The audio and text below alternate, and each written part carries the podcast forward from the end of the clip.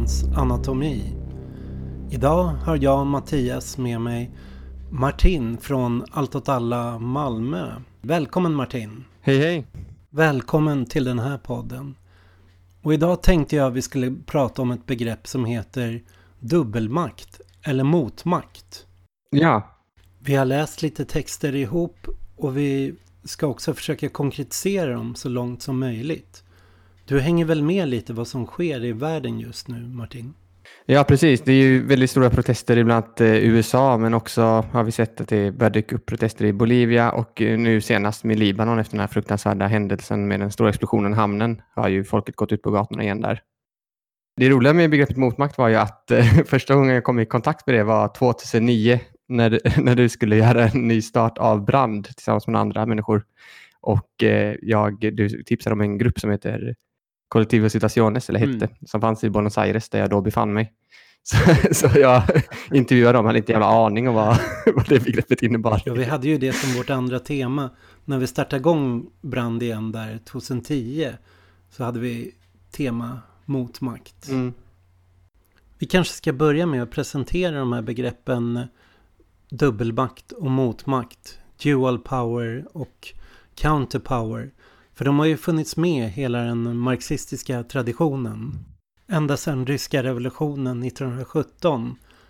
Den tiden som är mellan februarirevolutionen och eh, oktoberrevolutionen. Då vi har en situation i Ryssland då en eh, parallell maktstruktur håller på att etablera sig med soldat och arbetarråd som Lenin då beskriver som en dubbelmakt. Och han säger det här är en kortvarig situation där den ena sidan förr eller senare kommer behöva ersätta den andra. Och varför är det här ett relevant begrepp just nu? Dels är det en ganska vanlig strategi som den utomparlamentariska vänstern i Sverige har valt eh, utifrån att vi kanske inte har så mycket inflytande på arbetsplatser utan istället valt att agera i territoriet, alltså staden eller ja, kvarteret. Sen är det också så att vi, vi är i en situation där eh, återigen där vänsterpopulismen eller liksom vändningen till partiet har misslyckats i flera länder. Men de upproren fortsätter ju, så frågan är vad upproren kan skapa och vart de är på väg. Och det är väl här ett sånt här begrepp blir väldigt intressant för att det kan ju dels användas som ett strategiskt begrepp, alltså att man vill skapa någon form av motmakt i sin stad genom att eh, fylla statens sprickor, vill man säga. Alltså det tomrummet som finns mellan stat och medborgare mm. och på det sättet skapa legitimitet. Och det andra är ju sätt att analysera uppror som pågår och vad det är som händer i dem. Så det är ett, det, det är ett dubbelt begrepp på det sättet, eh, tänker jag. Vi kan ju se de senaste 20 åren så har den här diskussionen kommit att aktualiseras vid två tillfällen. Dels är det runt 2001 under globaliseringsrörelsen och toppmötesprotesterna när i Argentina den ekonomin höll på att eh, kollapsa och där uppstod en rörelse som började diskutera det här begreppet. Och vi kommer återkomma till mm. den händelsen senare. För både du och jag har ju följt den väldigt nära. Och du åkte ju till och med ner och träffade och intervjuade folk där nere. Precis. Och diskussionen i Argentina kan man väl säga också har skett väldigt nära den som var i Italien kring kretsen kring eh, Antonio Negri och de sociala centren. Men även med filosofen Giorgio Agamben och hans studenter i Paris mm. som blev Tikkun, den osynliga kommittén. Så det är en rad begrepp som har kommit fram i de här diskussionerna som är väldigt centrala och viktiga.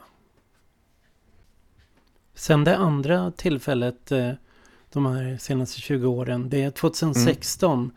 då den amerikanska kulturkritiken, litteraturkritiken Fredrik Jameson skriver en essä där han lyfter begreppet dubbelmakt. En text som heter An American Utopia.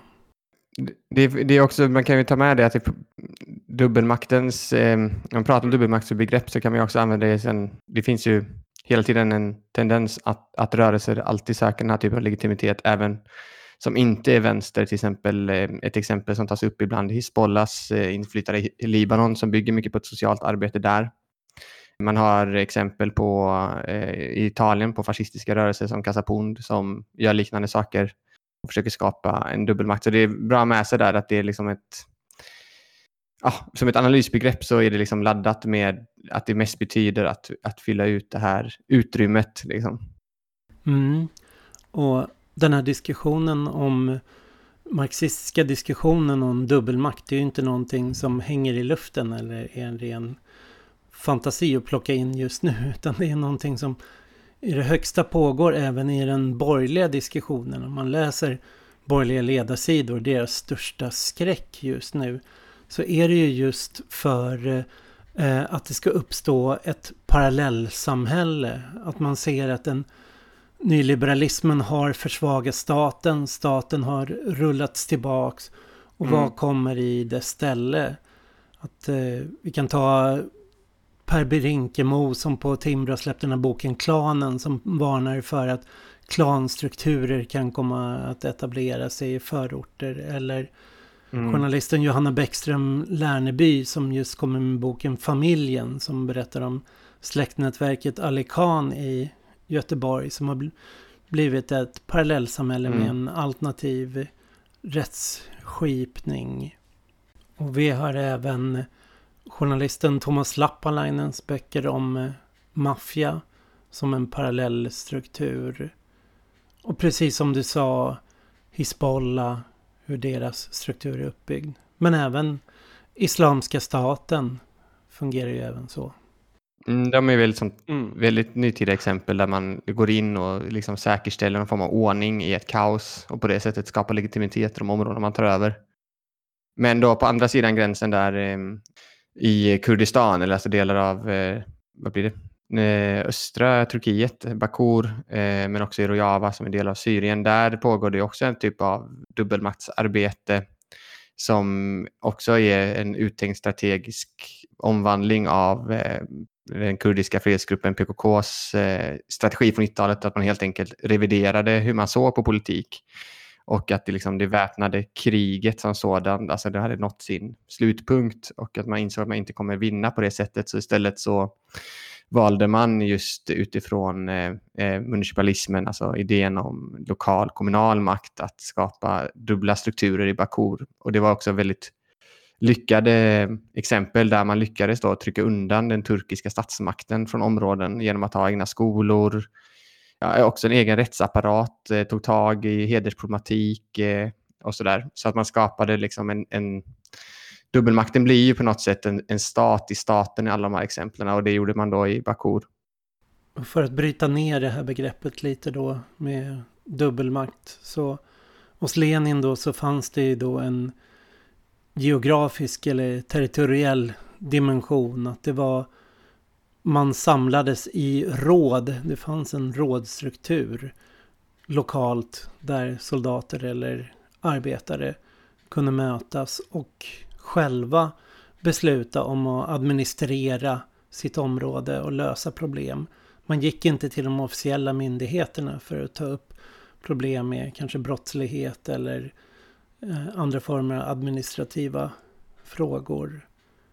Och Lenin hämtade i sin tur inspirationen då från Pariskommunen som en territoriell organisering av dubbelmakt 1871 i Frankrike.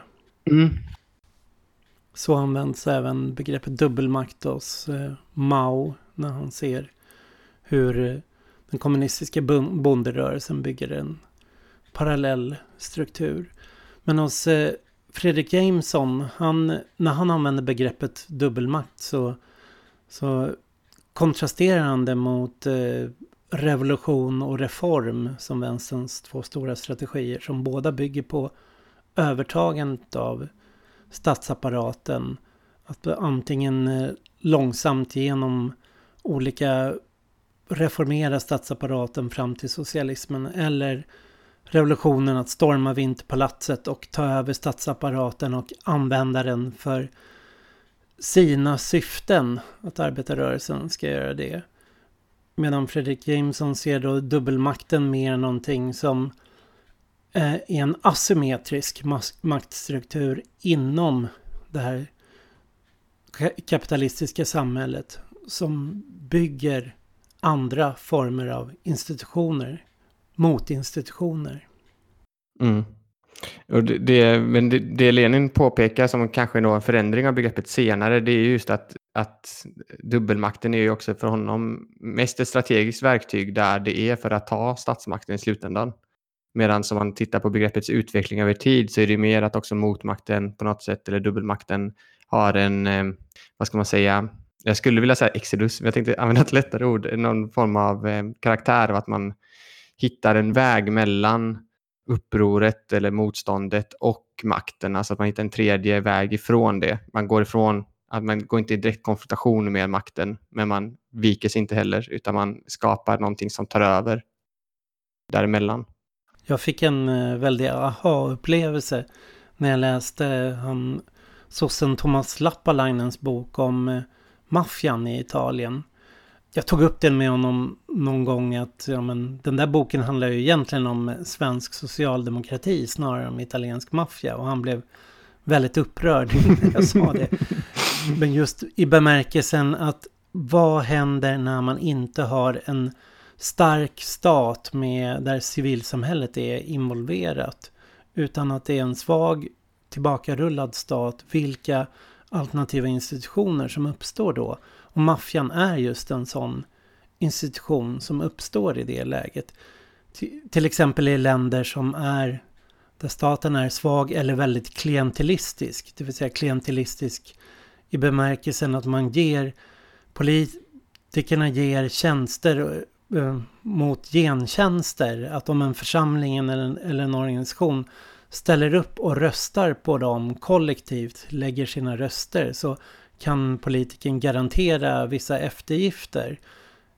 Och att eh, maffian, att analysera den eller se på den på det sättet att maffian är ju ett företag, den, den har ju ekonomiska intressen men den har ju också ett socialt perspektiv i de här områdena att den säljer beskydd, att den ger beskydd, att den ger vissa tjänster och fyller vissa funktioner för de människor som, som lever i maffiasamhället.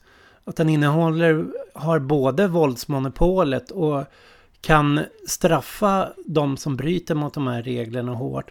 Men eh, den ger också beskydd och en viss trygghet och att det är viktigt att också för att förstå de där strukturerna, förstå den sociala sidan av det. Nej, precis, men det är väl det är väl också det som är väldigt vanligt i länder där, där också motmakten på något sätt är en, eh, en effektiv strategi som i, i, Libanon eller Syrien eller Italien eller Argentina. Just att det finns en ganska lång tradition av ganska djup korruption på statsnivå men också det här som du nämnde, benämnde som klientelism. Alltså att, att väljare röstar på den delegat helt enkelt som ger basen mest eh, fördelar. Så att politiken är sekundär utan det är mer ett så intresse intresse som styr. Och den utvecklingen finns ju inte riktigt i Sverige, även fall högern gärna vill att det ska vara så. Också lite när högern diskuterar det här, då ser de det allt som ett kulturellt fenomen. De pratar om hederskultur eller om eh, klankultur eller familjer. Att det, det ses som någonting som olika etniska grupper, folk har tagit med sig hit för att de är vana att leva på ett primitivare sätt och inte kan hantera att leva i en, i en stat. Eh, när man egentligen kanske borde vända på det och se vad händer när civilsamhället har försvagats, när samhället har försvagats, när, när staten har börjat överge förorten? Att i det läget så uppkommer parallella strukturer som är till för att ge någon form av skydd, att ge någon form av socialt skydd. Att garantera eh, en form av både rättvisa, rättsskipning eller skapa egna, egna normer. Och att det hänger ihop med eh, statens försvagade roll där. Det är inte någonting som ligger implicit i, i deras kultur utan det är det, det, har inte bara en negativ sida så att säga utan det är en, finns en social sida i det också. Att skapa trygghet för de boende där. Att skapa former av normer och sammanhang som eh, staten och civilsamhället har dragit sig undan ifrån att ge. Alltså, förstå mig rätt nu. att det, man, det går inte att förstå de här fenomenen om man bara ser till de repressiva och kontrollerande funktionerna och inte ser till den sociala sida som parallellsamhällen fyller att de faktiskt också täcker behov och motsvarar begär. Jo, precis. Det, det är inte för inte just de här då alternativa strukturerna som finns i, kanske till viss del i Sverige också är i områden där man lägger ner biblioteken, tar bort bankomaten, det inte finns tillräckligt med daghemsplatser och sådär, att det är där de uppkommer och, och liksom frodas. Att det, inte, det finns andra typer av parallella strukturer i, i rika områden, men men eh, det problematiseras kanske inte på samma sätt, men det är ju där det sociala, där statens liksom, sociala skyddande famn har försvunnit som, som eh, de här nätverken uppkommer. Och det är ju där vi som vänster måste tänka då att om inte vi finns där, om inte sociala rörelser och det civila samhället finns där och fyller den här funktionen så kommer det träda in andra krafter och fylla de här funktionerna. Oavsett om det är kriminella eller om det är familjebaserade eller baserade på andra normsystem eller andra politiska rörelser. Så frågan blir ju för oss i det här tomrummet som uppstår, hur, varför är inte vi där och är den starka kraften? Hur kan vi organisera och vara den kraften som är de här äh, sociala institutionerna?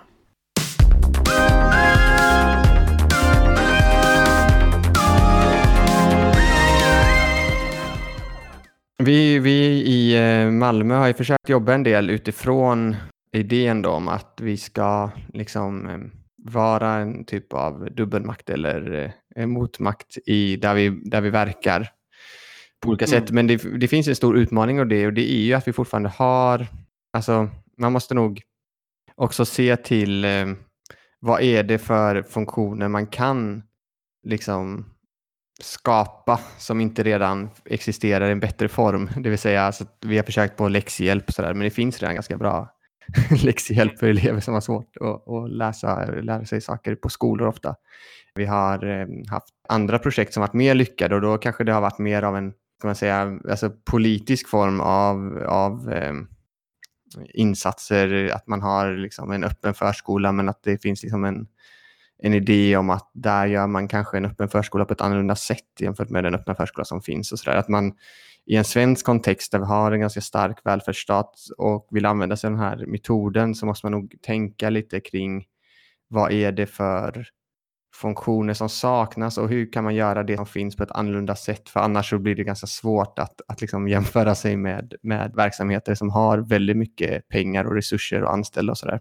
Mm. Så det är en utmaning i en svensk kontext. Och det är väl också mer kanske en isolering då av den svenska vänstern ifrån att vi inte finns där vi, där vi borde finnas, det vill säga i, i de här utsatta områdena på det sätt vi vill. Det finns exempel i Malmö som hela Malmö, till exempel på um, Nydala, som har jobbat ganska mycket så här men tonat ner just den politiska biten för att kunna få pengar och så där. Det är fortfarande så här Black Panther-legender målade på väggarna och det är väldigt så politiskt på det sättet. Men, och de gör ju verkligen, de skapar ett bibliotek för de boende av de boende, De har gym där nu, de har, eh, de har frukost för massa barn och pensionärer i området. Och de skapar en enorm legitimitet eh, och liksom inflytande i det området.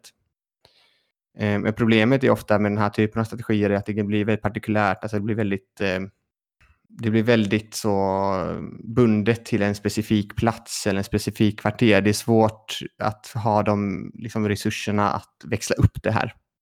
Mm. Du tog upp eh, Svarta pantrarna som exempel. Och den förortsorganisering som var i Sverige för några år sedan med pantrarna i Göteborg och megafonen i Stockholm. De hämtade ju mycket inspiration från Svarta pantrarna. Och det Svarta pantrarna blev ju mest kända för i Sverige det är ju just det här att framträda med vapen och vara beredd att skydda det svarta communityt. Det var ju den mest synliga, mediala och spektakulära delen av deras verksamhet. Men huvuddelen av verksamheten gick ut på att ha så kallade free food-program där de delade ut mat, hade barnverksamhet, hade utbildningsverksamhet, hade laglig rådgivning där deras eh, högkvarter fungerade som sociala kontor där svarta communityt kunde få komma in och få hjälp med olika saker. Så att de eh, arbetade verkligen efter en sån här motmakts eller dubbelmaktsstrategi. Och det var ju också när FBI och när myndigheterna började slå ner på dem så var det ju inte på grund av att de var en, en våldsam rörelse eller ett våldsamt hot. Det var inte så att vapnen användes i offensivt utan eh, det handlade ju snarare om att stänga ner deras lokaler, stänga ner deras eh, kontor. Det var ju de man slog till mot. Nej, precis. De, var ju, de blev mest mördade i slutändan. Vi hade ju läst en text också här innan eh, just eh, om, om eh, motmakt som jag tycker är en väldigt bra introduktionstext. Den kan vara lite snårig men det är ju faktiskt Antonio Negri som, som vi båda kanske uppskattar lite väl mycket men som heter eh, 12 eh, teser om motmakt va? Negris text heter väl motmakt? Ja, motmakt. Och det kan man googla upp men det finns också på din blogg. Men där, där tycker jag de tar upp väldigt mycket just den här Alltså, låt, låt oss säga, ponera att liksom man lyckas med upproret, man lyckas konstituera den här motmakten. Man är i ett läge där eh, man är i eh, en relativt eh, öppen konflikt fast ändå på ett undflyende sätt med, med statsmakten. Men där tar man ändå upp den här problematiken med att fastna i, i eh, alltså att det finns hela tiden en, en, också en vilja från makten att liksom, de pratar om, eh, jag vet inte hur man ska säga det här på svenska, men alltså den konstituerade makten har hela mm. tiden en förmåga att suga in också motmakter. Alltså man gör om det till eh, non-government organizations. Man eh, erkänner delar av den för att splittra den. Liksom. Och det är ganska intressanta diskussioner att ha också i svensk kontext där vi är väl medvetna om att när saker går lite bra så blir de för det mesta uppsugna av eh, någon form av sosseri i slutändan. Så det är också en mm. bra sak att ha med sig in i, i frågan om strategi. Och jag tycker också en annan bra sak i den texten är just det här påpekandet om när vi lever i en sån globaliserad värld där vi liksom inte riktigt vet egentligen vart, vart besluten som rör vår vardag tas så är det väldigt svårt att tänka sig att, att en sån här strategi skulle kunna vara gångbar bara på nationell plan och frågan är då hur man skulle växla upp det här. Mm. För att ta situationen då i Argentina i början av 2000-talet jag gjorde ju ett eh, eget avsnitt av det, om det här med Amerika Verezavala för ett tag sedan som man kan lyssna på. Men eh, Argentina i december 2001 så fick man ställa in eh, lånen till internationella valutafonden. Att Argentina hade blivit så skuldsatta att de inte kunde klara av att betala tillbaks det här. Och det gick inte längre bedriva åtstramningspolitik. Och det intressanta är den folkliga explosion som skedde där på gatorna av olika rörelser. Den intressantaste var rörelsen Piqueteros som var de arbetslösas organisering. Där arbetslösa tillsammans gick ut och blockerade infrastrukturen i landet som motorvägar och olika knytpunkter. Och tog in en tull som en extra skatt som de tog som arbetslöshetsersättning och var en väldigt så här, militant stridbar rörelse. Men det pågick också över hundra olika fabriksockupationer med företag som hade gått i konkurs eller där eh, företagsägarna bara hade tagit sina pengar och dragit och lämnat arbetarna vid, med fabriken. Och i de olika förorterna i Buenos Aires så skedde också en eh, kvartersorganisering där man kanske ockuperade en lokal. Man organiserade bytesringar, man höll stormöten, man organiserade sig. Och de här eh, gemensamma protesterna tog sig tillsammans in i stora demonstrationer in till stan. Och en av de här kollektiven som var verksamma där var Collectivo Situaciones. Kan inte du berätta lite om dem? Det, det är en, ett kollektiv som fanns, eh, som skapades på 90-talet i Argentina. Om man backar bandet där lite innan 2001 så var det ju så i Argentina på 82 så tog ju militärkuppen slut i Argentina och det blev demokrati. Under eh, slutet av 80-talet, början av 90-talet så fick, blev Minem president eh, och han eh, han införde en väldigt hård nyliberal eh, politik i Argentina. Så han sålde ut i stort sett alla statliga resurser som fanns. Man hade ett väldigt så här berömt tågnätverk i landet som såldes ut. El såldes ut. Alltså det mesta som gick helt enkelt såldes ut. Och detta gjorde också så att delar av eh, medelklassen i Argentina fick det ganska bra. Man knöt peson till dollarn och sådär. Så de hade ganska mycket, kunde konsumera ganska mycket. Så de var ganska nöjda stora delar av samhället. Men samtidigt då så började det också grupper som tidigare haft en mer eller mindre säker tillvaro, alltså fabriksarbetare och sådär, bli allt mer prekära. Och Picateros-rörelsen är den arbetslösa rörelsen. Då. Picatero är ju egentligen någon, någon som bara blockerar. Det är liksom det det betyder. Mm. Och den rörelsen började skapas i 90-talet och de gjorde väldigt så stora aktioner, som du var inne på där, de blockerade motorvägar. I början så var det framförallt eh, på landsbygden, men det började närma sig stan mer och mer. I stan då i Buenos Aires, där nästan en tredjedel av Argentinas befolkning bor. Och Colectivistaciones skapades eh, på ett eh, av universiteten i Argentina och var ett gäng vänsterpersoner som såg vissa brister i den argentinska vänstern och en av de bristerna var att man var ganska frånkopplad de här nya sociala subjekten som man såg uppkomma då. Det vill säga arbetslösas till exempel. Immigrantarbete en annan sån. Och ett sätt för att bryta med den här isolationen som man märkte att vänstern hade var att man gjorde någonting som hette militanta undersökningar och då är det militanta undersökningar mer som en inställning till politisk kamp än som en metod för att undersöka saker. Det, det gör begreppet lite, kanske lite, vad ska jag säga, yxigt. Men ehm, då så, och den metoden går ut på att man tillsammans med människor försöker skapa en gemensam förståelse vad som händer. Så de knöt sig ganska nära ett av de här eh, stora Picateros-kollektiven som agerade i Buenos Aires utkanter. Vi gav ut en bok tillsammans med dem till exempel och hade många levande diskussioner med dem kring vad som hände och hur de beskrev sin tillvaro och sådär. Och Picateros-rörelsen var ju dels blockaderna, men det som Colectivo Citaciones var intresserade av när det kom till Picateros var ju framför allt vad som hände liksom mellan vägblockaderna vem var de mer än någon som blockerar en väg? Och att det var det som var det intressanta. Och där började de upptäcka då att det fanns en helt annan styrka i den här rörelsen som inte kom fram i det mediala av händelsen. Och det var ju att man i de här lokala områdena skapade en territoriell makt då, genom att skapa alternativa institutioner, fördelade det statliga stödet som kom mellan sig och sådär.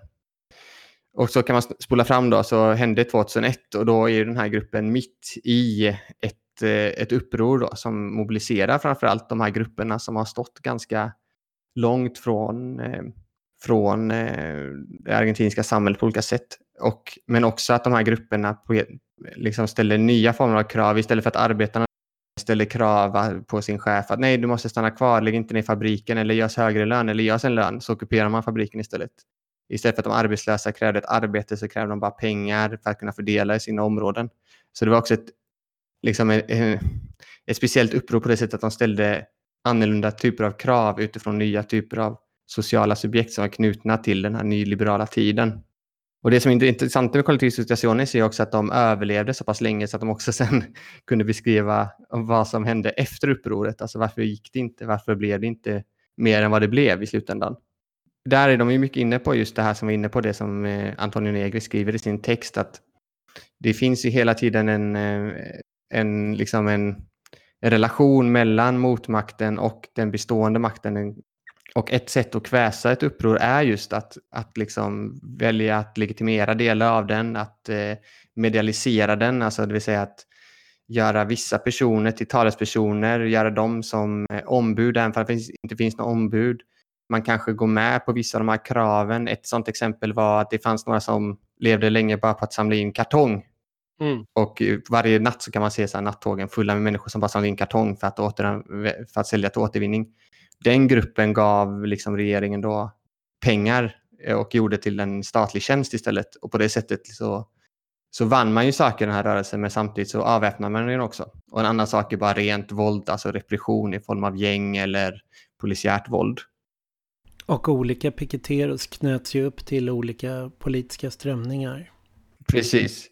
De är mycket inne på det i kollektivstationen när de beskriver det här. Vad är motsättningarna här? Och det finns liksom en tendens att hela tiden göra det mer och mer strukturerat, göra det mer och mer ett ombud, försöka inlämna det i det liksom politiska livet, det, det är någon, någon form av normalitet.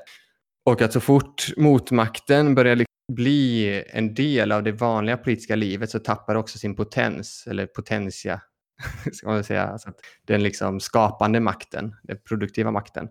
Istället börjar den bli bara mer och mer av den traditionella makten och bara gå med och mer, mer och mer med på det spelet. Det roliga var också att jag läste någon, de, de, de, de har lagt ner nu en tidning som heter eh, Keonda Lobo, Vad händer vargen? Typ. Eh, och eh, där finns det en intervju från 2007 som är lite rolig. För då, då han sa ah, det, går inte, det går inte så bra nu men eh, vi, vi ska starta ett socialt center. Har du hört den förut? Det är klassiska lösningen ja. sådär, när det går lite dåligt. Ja. Men de är en väldigt intressant grupp eh, just för att de rör sig så, liksom, de betraktar inte rörelsen utifrån utan de är en del av rörelsen. De skapar liksom, teori utifrån vad som händer snarare än utifrån vad de har läst på något sätt. Även om det såklart spelar in, märker man ju när man läser texter. Men att det hela tiden är liksom ett skapande mellan rörelse och teori. de hittar liksom en tredje väg hela tiden. Eh, så det är väldigt intressanta liksom, eh, texter de har skrivit om den här tiden.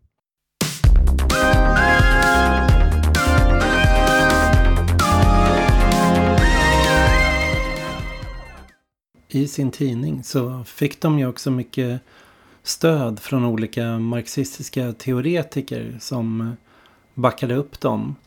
Till exempel det där, den här texten av eh, Antonio Negri om eh, motmakt är publicerad. Och Kollektiv och situations jobbade ju också väldigt nära den här marxisten John Holloway som skrev den här boken How to change the world without taking power. Och utifrån det du beskriver då med, med infångandet för hur staten försöker infånga det här parallellsamhället eller dubbelmakten och oskadliggöra den på det sättet så, så kan man förstå varför för kollektiva situationer just den här negationen blir så oerhört viktig brytningen, det destituerande, frikopplandet från makten. Precis. Och i en av de här texterna som av kollektiva situationen som vi har läst, vi kommer lägga upp länken. Där gör de skillnad på två former av negation i varje upprorssituation. Att dels har vi en negation underifrån de kallar det för resistant negation. Alltså en motståndets negation underifrån. Som går ut på att dra en gräns, dra sig undan, klippa kontakterna liksom till systemet. Göra brytningen för de här dubbelmakts och parallellstrukturerna. Och den andra reaktiv negation, alltså en reaktiv negation. Det är det som sker som reaktion mot rörelserna ovanifrån i olika sätt att eh, krossa det som görs i form av antingen införlivare eller framförallt genom repression också. Att slå mot dem.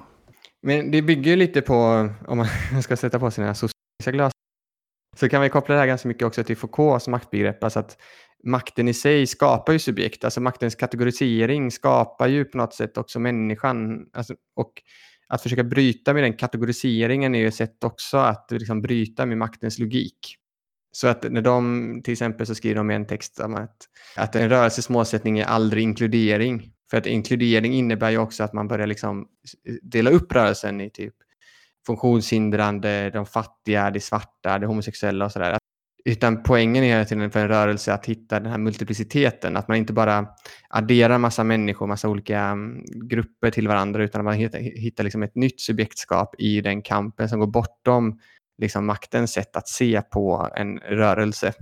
Mm. Så, det tycker jag ändå är en av deras viktigaste poänger, just det att det intressanta med Picatinny-rörelsen var just att de slutade se sig själva som arbetslösa. Liksom. De sökte snarare allianser med andra grupper i samhället utifrån andra idéer om hur det skulle kunna bli eller hur det skulle kunna vara eller vad de gjorde.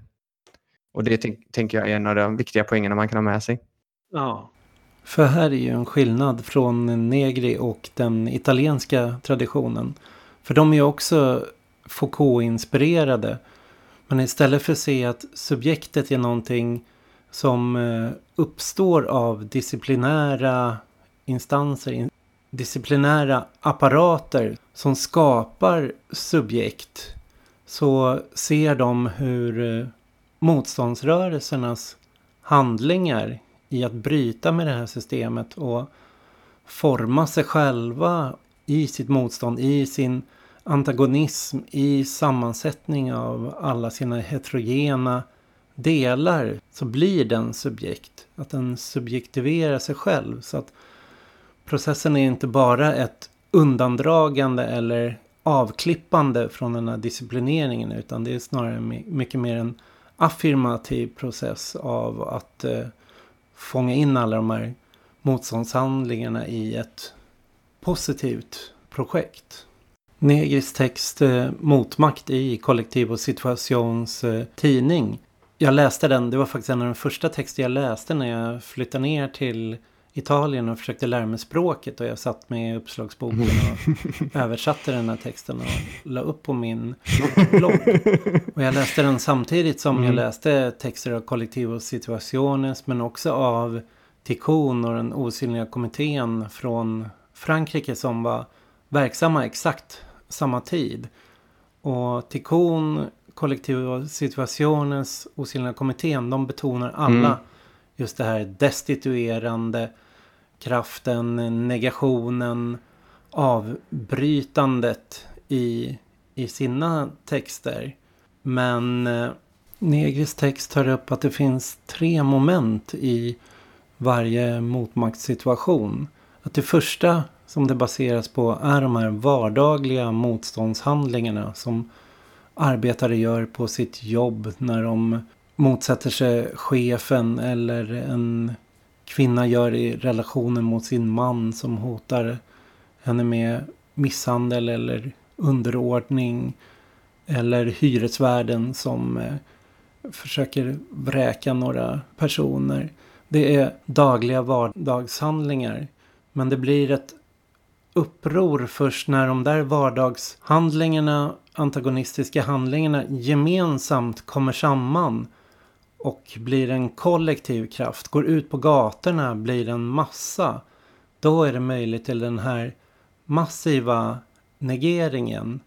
Men det här är bara två moment. Det måste till ett tredje.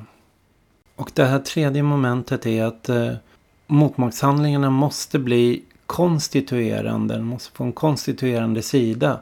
De måste hitta sin egna form, bli ett subjekt, hitta sin egna organisationsform, skapa egna former av institutioner som är varaktiga. Till exempel fackföreningar eller sociala center eller allmänningar eller andra former. För upproren är ofta kortvariga. Att det kan komma en massa ut på gatan och vara ute på gatan några dagar eller några veckor eller på sin höjd några månader. Men sen riskerar de upprorshandlingarna att ebba ut om de inte hittar den här permanenta formen som kan göra det varaktigt. Och den diskussionen är, tycker jag är, är fortsatt väldigt relevant och inte bara som en sånt nörd men också som eh, polisaktivist just att man har sett att de här upproren kommer nu ganska snabb hastighet. De flammar upp. Eh, vi hade arabiska våren, där blev det lite mer än ett uppror. Där var det torrockupationer. Vissa delar av det blev liksom inlämnade i det som inkluderade, för att använda kollektivcitationens ord, och därför avväpnade som på demos till exempel, eller Corbyn-projektet i, USA, äh, i England eller Bernie Sanders i USA. Men vi har ju fortfarande inte löst riktigt den här frågan vad som liksom, efter upproret, efter att stan brinner, liksom, vad, den här konstituerande kraften har liksom inte riktigt slagit igenom. Mm. Man har liksom inte lyckats ta makten på ett annorlunda sätt hittills. Utan de, de mest lyckade mm. exemplen hittills har ju varit de här som liksom har återgått till den politiska logik som man har på något sätt försökt vara emot innan. Så den diskussionen är ju på något sätt väldigt viktig fortfarande tycker jag. Mycket av de diskussionerna som kom upp där 2001. Jag sörjer dem väldigt mycket idag att de inte är levande i dagens kamper riktigt. Att det fanns så mycket bra saker som kom upp där som man gärna skulle vilja lämna vidare som en stafettpinne. Men samtidigt vissa saker fördes ju också vidare. Det kom ju en andra kampvåg där efter ekonomiska krisen 2008 med de globala krisprotesterna, arabiska våren, Occupy och torgmötesprotesterna 2011. Och där kom ju vissa av de här diskussionerna fram igen. En av de diskussionerna vi har tagit upp i den här podden som kom efter 2011 det är ju om eh, postkapitalism. Att eh, tänka sig vad inom kapitalismen går att accelerera eller driva på så att det rör sig bortom kapitalismen. Det vill säga där kapitalismen själv har blivit en begränsning för hur produktionen ser ut idag och tillför olika former av begränsningar, tvång eller eh, artificiell brist. En annan diskussion är den som Zizek och Badiou hade om eh, kommunismens idé.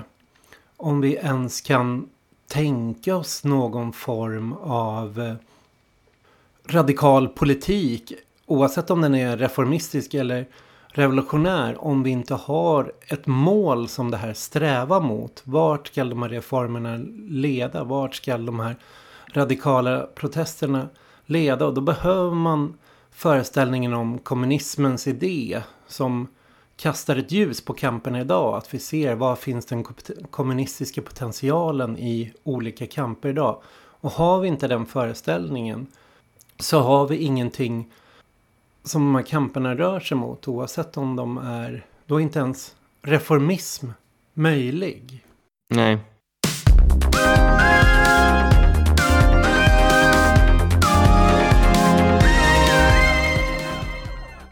En tredje sån diskussion är eh, Fredrik Jamesons bok An American Utopia från 2016. En amerikansk utopi. Som eh, försöker ta dubbelmakten som begrepp eh, för en utopi. Någon, precis som Zizek och Badiou ville ha kommunismens idé som en riktning så försöker han tänka sig vad i det här samhället är det där en alternativ maktstruktur byggs eller man kan bygga på just nu som leder till kommunism. Verso gav ut den här skriften då 2016 med förorda Zizek och olika svar från till exempel Judy Dean och Alberto Toscano. Det Fredrik Jameson säger i den eh, pamfletten är att vänsterns kris idag handlar om att båda vänsterns strategier reform och revolution framstår som omöjliga. Efter murens fall och efter 30 år av nyliberalism så är ju ens bara tanken att återgå till reformer eller en välfärdsstat framstår som utopiska. Och att genom en revolution skapa ett eh, förbättrat samhälle ses som helt bankrutt föreställning. Så vad finns det då att göra menar Fredrik Jameson? Han tittade på vad är det istället som vi skulle kunna använda för att bygga en dubbelmakt i samhället. Vad finns det vi kan använda att utgå ifrån? Fredrik Jameson går då igenom olika samhällsinstitutioner som man skulle kunna bygga en sån här tredje makt på. En som inte är Gramscis ställningskrig, att eh, långsamt verka förändringar inifrån reformer. Eller manöverkrig, att eh, snabbt storma och ta över och använda. Utan snarare någonting som steg för steg bygger ett annat samhälle inifrån och skapar förutsättningarna för det samhälle vi vill ha. Vilken aktör skulle det kunna vara? Han tar upp till exempel att titta på, är det fackföreningarna som är den här bäraren? Så ser han efter, ja, 30 år av eh, nyliberal unionbastning och hur fackföreningarna tappar medlemmar, försvagats. Eller så under socialdemokratin, de har kommit att införlivas och liksom snarare liksom vara en bromsande kraft. Så, så tänker jag, nej men det är inte fackföreningarna som kommer vara den här kraften. Vad finns det då? Är det, är det vissa yrkeskategorier eller är det vården? Är det vården som skulle kunna vara det här? Eh, att genom att stärka vården som offentlig och gemensam nyttighet, att det är där. Och där kommer han till samma slutsats då, att ja, men, nyliberalismen har styckat upp vården, gjort den till en vara på marknaden. Det har blivit så privatiserad och skadeskjuten att inte heller den går riktigt att bygga en dubbelmakt på. Han bollar med andra institutioner som posten och så och tänker skulle det kunna vara det men samma sak där den är privatiserad. Och vad, vad finns då kvar? Och han kommer då fram till att det enda som är kvar är militären som institution. Det, det är en väldigt deppig text de första 40 sidorna alltså. Ja. Och han tar Eisenhowers uttalande att vill de ha sjukvård för alla, Medicare for all, ja men då är det väl bara att skriva in sig i militären ja. så får de det. Han tar det lite att ja, men det kanske är den här universella institutionen i amerikanska samhället nu som inte följer marknadsprinciper och som är gemensam på ett sätt. Han tittar även på Walmart och kommer sen att diskutera hur Walmart internt faktiskt har en planerad ekonomi. Hur de här enorma företagen fungerar, inte i konkurrens mellan varandra utan i sig själva planerar sin ekonomi för att matcha vad som ska produceras, hur det ska fördelas inom företagskoncernen. Att redan där har vi en form av planerad socialism i de här strukturerna som bara behövs generaliseras. Ja, jag, jag vet inte vad jag riktigt köper hans eh, Nej. slutsats där. Men, eh, det, men man kan ju också se i liksom kölvattnet av Bernie Sanders nederlag så känns det som att det är liksom Bernie Sanders-rörelsen har delats i två. Antingen är den här fruktansvärda reaktionära vändningen att liksom, vi hade vunnit om vi hade pratat om invandring. Eh, och mm. Samtidigt så är det den andra delen då som säger vi måste tillbaka, vi måste börja bygga igen, vi måste börja bygga facken igen, vi måste börja bygga i våra kvarter. Och det är väl det är också en sån form av motmaktsstrategi då istället för att liksom satsa på den här demokratiska presidentkandidaten. Och att om de hade haft den här legitimiteten då genom facken och om, områdesorganisering så hade de liksom eh, kunnat vinna det amerikanska presidentvalet. Ja, kanske kan man se det så att eh, Sanders och Corbyn de tog eh, Fredrik Jameson på orden. Men det var inte militären de ville generalisera utan just eh, Medicare for all och välfärden och sjukvården. Mm. Att eh, ja, kanske är det med Folkhälsomyndigheten mm. och Anders Tegnell som vi har den ja. dubbelmaktsinstitutionen idag. Som, hur det går i slutändan kanske. ja, förändra. Ja, som sagt. Dubbelmakt behöver inte vara bra. Det kan, det kan vara maffia eller Folkhälsomyndigheten. Folkhälsomyndigheten. Men eh, det tycker jag är ganska intressant att bli, liksom, hålla sig till det här när, det, när motmakten misslyckas eller när upproret på något sätt liksom blir en del av maktens logik. Då om man tar det spanska exemplet där med eh, torrrörelsen där och hur det liksom söks upp i, i Podemos så är det fortfarande delar av det som lever och det är till exempel Barcelona kommun i, i Barcelona som har ett nära samarbete med eh, de vräktas rörelse, PA, eh, och har genomfört en rad reformer. Liksom. Men de, de är fortfarande kvar i, i liksom, de har fastnat i den parlamentariska logiken och på det måste jag verkligen gjort det genom att helt enkelt att samarbeta med sina huvudfiender, alltså Socialdemokraterna i Spanien. Och jag tänker att det är så också om man såg BLM nu i somras här i Sverige till exempel, att det finns också en annan typ av mjukmakt som innebär att vi lever också i en samtid där eh, väldigt många människor går omkring och är varumärken, där man bygger liksom sitt varumärke, där kollektivitet inte genererar så mycket pengar. Så det är väldigt lätt också för att rörelser blir liksom inlämnade i någon form av kapitalistisk logik. Det, det kan man ju se delar av att kapitalismen i USA också gjorde med BLM-rörelsen, alltså att Apple hade så här Black Lives Matters, eh, tror jag det var, och att många andra så, eh, Netflix hade någon sån tema på sin sida.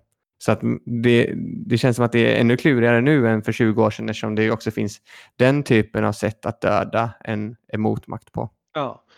ja, det fanns ju inte samma sociala medier eller på 2001 möjlighet att införliva influencers och bemöta rörelser på det sättet.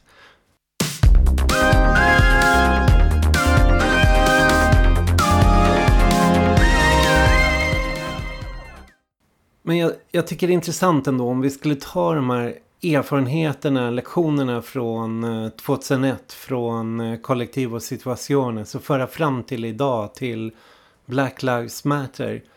Vad, vad vi skulle hamna då, vad det skulle få för resultat. För, för vi sitter ju i en situation där eh, Corbyn och Sanders, hela vänsterpopulismen har inte lyckats. Man har ju försökt kraftsamla för att gripa makten att samla en majoritet bakom sig. Och det, det, har, inte, det har inte lyckats.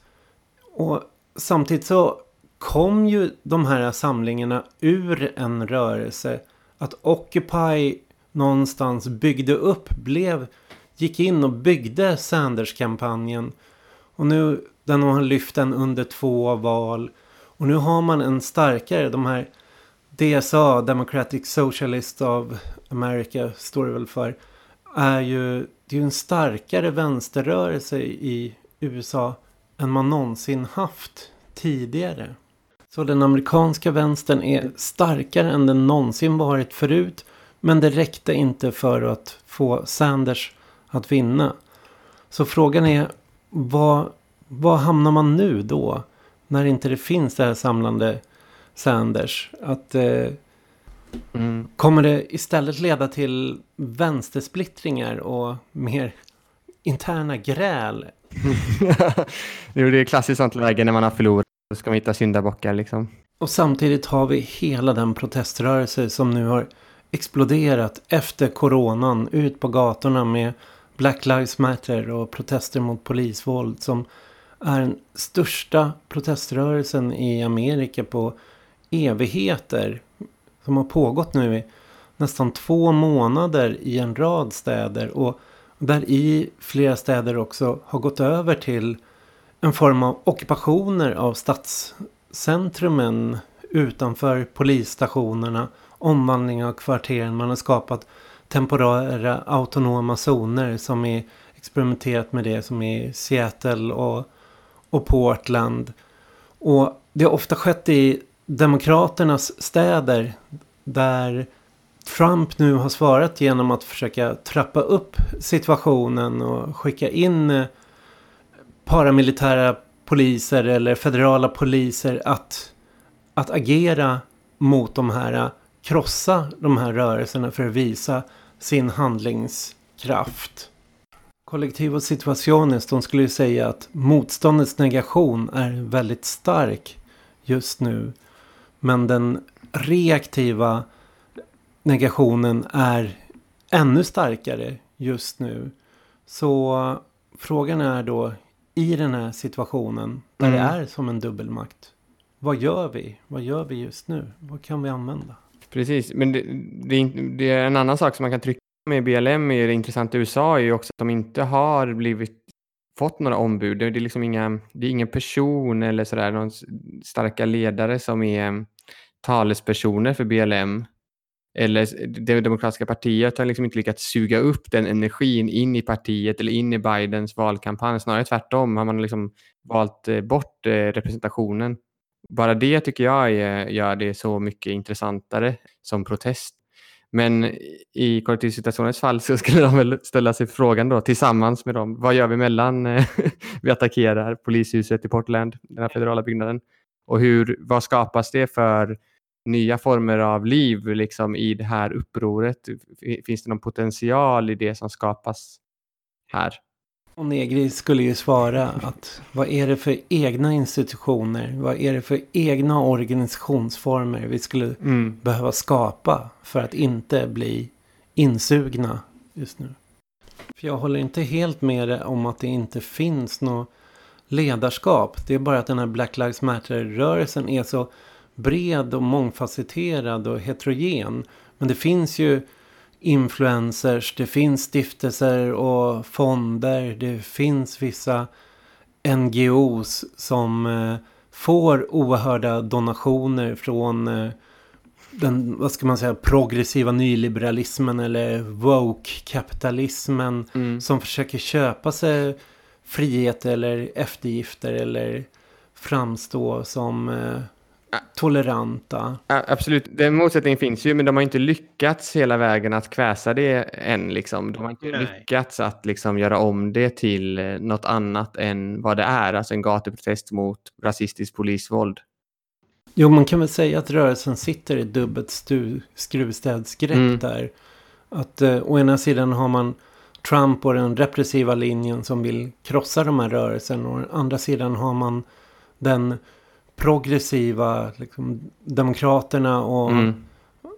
progressiva nyliberalismen som försöker äta upp den och införliva den. Och det som hindrar den från att gå någon av de här vägarna är att den är så heterogen den här rörelsen. Den rymmer sån mångfald. Många av de här svarta medborgarrättsrörelserna de är ju till exempel väldigt eh, konservativa eller reformistiska. Man kan ju ta från början när Black Lives Matter startade. När, när var det start? Ferguson va? Eller det var tidigare än Ferguson tror jag. Men det var väl då det blev riktigt känt. Många av de svarta medborgarrättsrörelserna har ju försökt ta över kontrollen och kväsa de här protesterna. Och varit väldigt kritiska mot hur, hur de har förts. Att de har velat ha det mycket stillsammare eller enkla krav. Och till exempel har man ju riktat mycket kritik mot Portland och Seattle som är rätt vita städer. Städer där protesterna visserligen har lyft Black Lives Matter och svartas frågor. Men det är inte på något sätt svarta som har utgjort majoriteten av de protesterna där. Det här med mammor som sköldar på gatorna mot polisvåldet till exempel. Mm. Veterans against the feds och så vidare. Jo, absolut, men, det, men den här eh, mångfalden har inte, liksom, de har inte lyckats göra om det till en enfald än. Alltså de har inte lyckats skapa, de har inte lyckats ge en grupp i protesterna den legitimiteten som Nej. krävs för att kväsa det andra. Men det tror jag också mycket handlar om att liksom, situationen i USA har kommit till en punkt där det, liksom är för, att det inte går. Helt enkelt att motsättningarna är så pass stora nu och att man har en en administration eller en regim som eh, sätter upp koncentrationsläger och det var i dagarna så pratade de om att covid-19 var stort i de här liksom, lägren när de sätter papperslösa men att man inte gör någonting åt det för de kan lika gärna försvinna då liksom. Så jag menar, det, liksom, det är också dragit till sin spets på ett sätt som är svårt att det är svårt att inlämna en sån rörelse i någon form av politiskt sammanhang för det handlar på något sätt i slutändan om, om ens liv liksom. Och även om Sanders är borta så är det ju i många städer just nu så vinner ju radikala socialistiska kandidater positioner. För det är ju dit man har fått kliva ner när man inte har Sanders. Och den rörelsen tycker jag är det spännande. Att det är där det sker spännande saker mellan rörelse och parlamentariska framsteg just nu. Absolut. Men för det man, det man blir så himla frustrerad när man läser den amerikanska vänsterdebatten. Liksom. För de bara, ingenting händer, det är kast, allting suger, vi borde antingen bli rasister eller gå med i det här tråkiga, tråkiga facket. Då vill man ju bara få dem att, precis som kollektiva situationer, ge sig ut där, våga liksom undersöka situationen tillsammans med de som protesterar, hitta nya sätt att, att liksom göra motstånd på, hitta nya sätt att skapa en rörelse på, mm. eh, skapa motmakt. Men, ja, det kanske är det som får bli vårt eh, värv här i år, att vi har sett lite kollektiva situationers texter till engelska och skicka till välvalda amerikanska vänsterpersoner. Ja, man behöver alltid översätta texterna till, inte nya språk kanske, men nya situationer.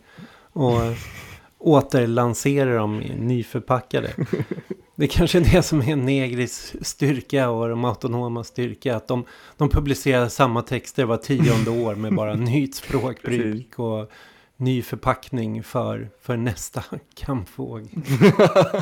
Verkligen. Okej. mm. Men ja, det är, en, det är en diskussion som vi antagligen kommer fortsätta ha, tänker jag, oss emellan.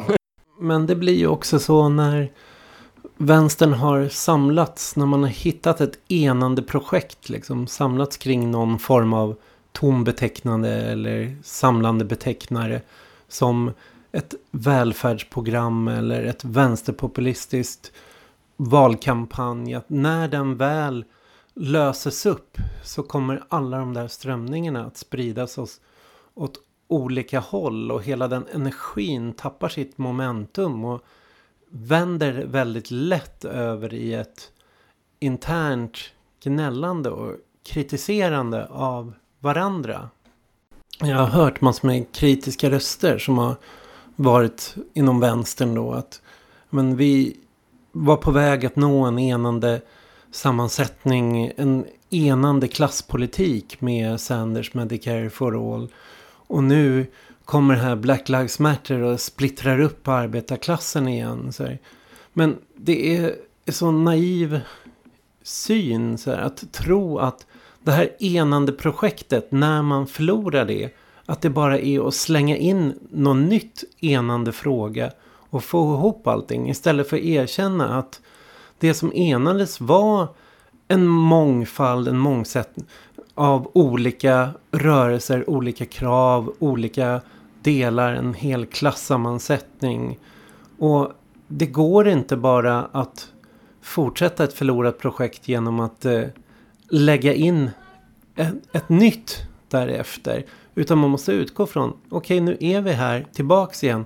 Det finns en massa rörelser och det är inte, det är inte självklart hur de hör samman. De försöker hitta liksom gemensamma beröringspunkter. Det är inte alls självklart hur det här hänger ihop. Och då sitta och klaga på och säga att ja, men, polisvåld, vad är det? det är, vad är det för materiellt intresse i det här? Eller liksom bara reducera allting till antirasism igen. Det är att ta tillbaka det till en liberal arena. Så här. Men det, vi är tillbaks några steg och vi måste bygga därifrån. Det går inte drömma sig till en annan position där vi inte är längre.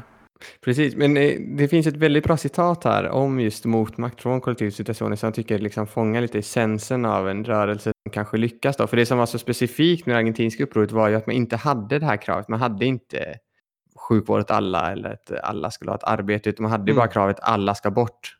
Och det skapar någonting, en, en egen liksom, eh, mobiliserande kraft på det sättet att man ingen representation var, var möjlig när man ställde det kravet. Det går, liksom inte, det går inte att förlora en, en valkampanj för man kan inte ställa upp ett val med, med, med sloganen alla ska bort. Även om säkert något trotskistiskt parti i Argentina försökte. Men det, det citatet är att, eh, att de här det handlar om erfarenheterna som skapas mot makt. Jag tänkte också komma tillbaka till det lite, men att erfarenheter som skapas utifrån sina egna förutsättningar, sin egen kraft och potentialitet och som sprider energi hämtar sin styrka från en process av självaffirmation och självständighet. Det viktigaste för deras utveckling ligger i deras förmåga att undkomma samtidens representation och det ekonomiska förhållandets krav och istället lyckas producera egen tid. Hos motmakten tycks politik främst innebära förmåga att producera denna temporalitet och denna autonomi. Alltså att man skapar som vi var inne på i början där, en tredje väg liksom, som bryter av mot den logiken som gör att man kan komma i ett läge där man misslyckas med en valkampanj.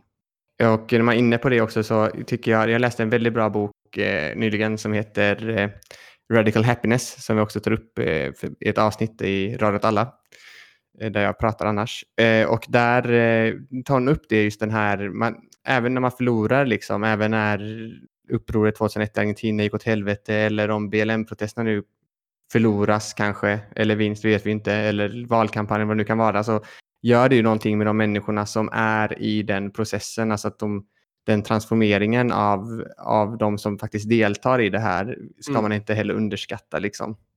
Så det är också någonting man vill, man vill skrika till de här människorna. Visst, ni, ni, ni kanske inte vann nu, men ni får också tänka på de erfarenheterna som ni faktiskt vunnit kollektivt tillsammans mm. i de här kampen och det ni har lärt er. Liksom. Och, och nu befinner vi oss post Sanders, post Corbyn, post vänsterpopulismen. Vi har en pandemi som efter pandemin vi kommer se massarbetslöshet. Vi står inför massvräkningar, ekonomisk kris, recession. Och i det läget så, så vet vi ju också att innan den här pandemin bröt ut. Att det befann sig en massa revolter runt om i världen. I, i Libanon, i Hongkong, i Latinamerika. Som tillfälligt sattes på paus. Men eh, det är ju där vi måste utgå från nu till hösten. Att det, är där, det här är den mylla som det kommer brisera i. Och vi behöver lansera nya vänsterprojekt. Och där är ju faktiskt dubbelmakten på agendan.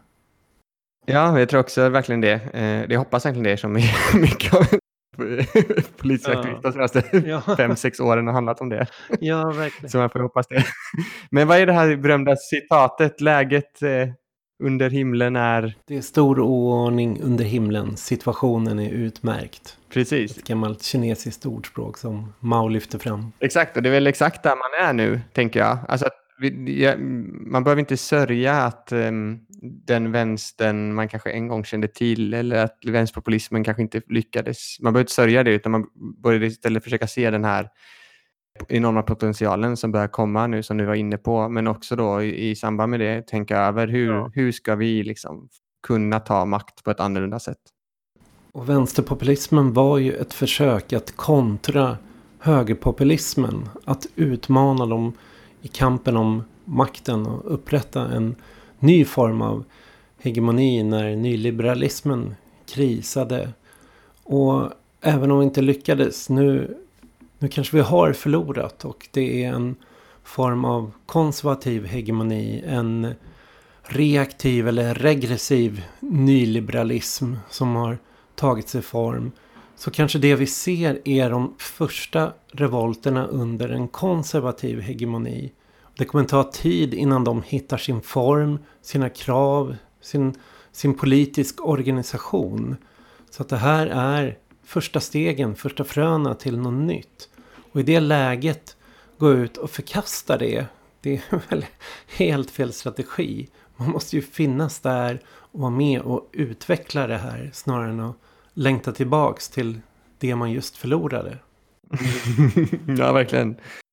Men eh, för att återigen ta upp den här marginella argentinska gruppen som lagt ner för sju år sedan eller vad det är. Men eh, det är bara du och jag i Sverige som kommer ihåg.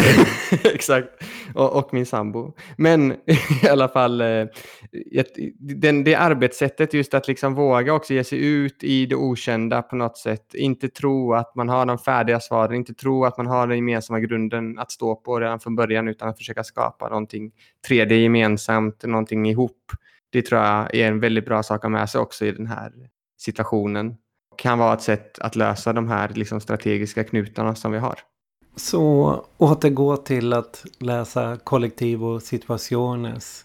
Att återgå till att läsa debatterna om dubbelmakt och motmakt till exempel hos Fredrik Jameson. Även om hans text kanske inte var så upphetsande så var mm. den diskussionen som följde i den antologin väldigt spännande.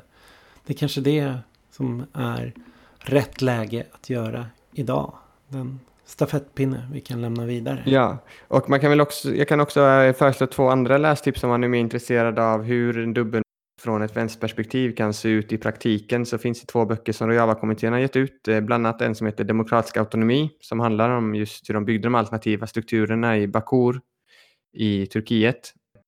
Och eh, en ny bok som Alta Malmö tillsammans med kommer att ut som heter Det nya paradigmet som är mer om mm. ideologin bakom strukturerna. Ja, de rekommenderas. Tacka Martin att du var med mm. i det här avsnittet. Ja, tack. En stor ära att få vara med. Även för jag var lite nervös innan.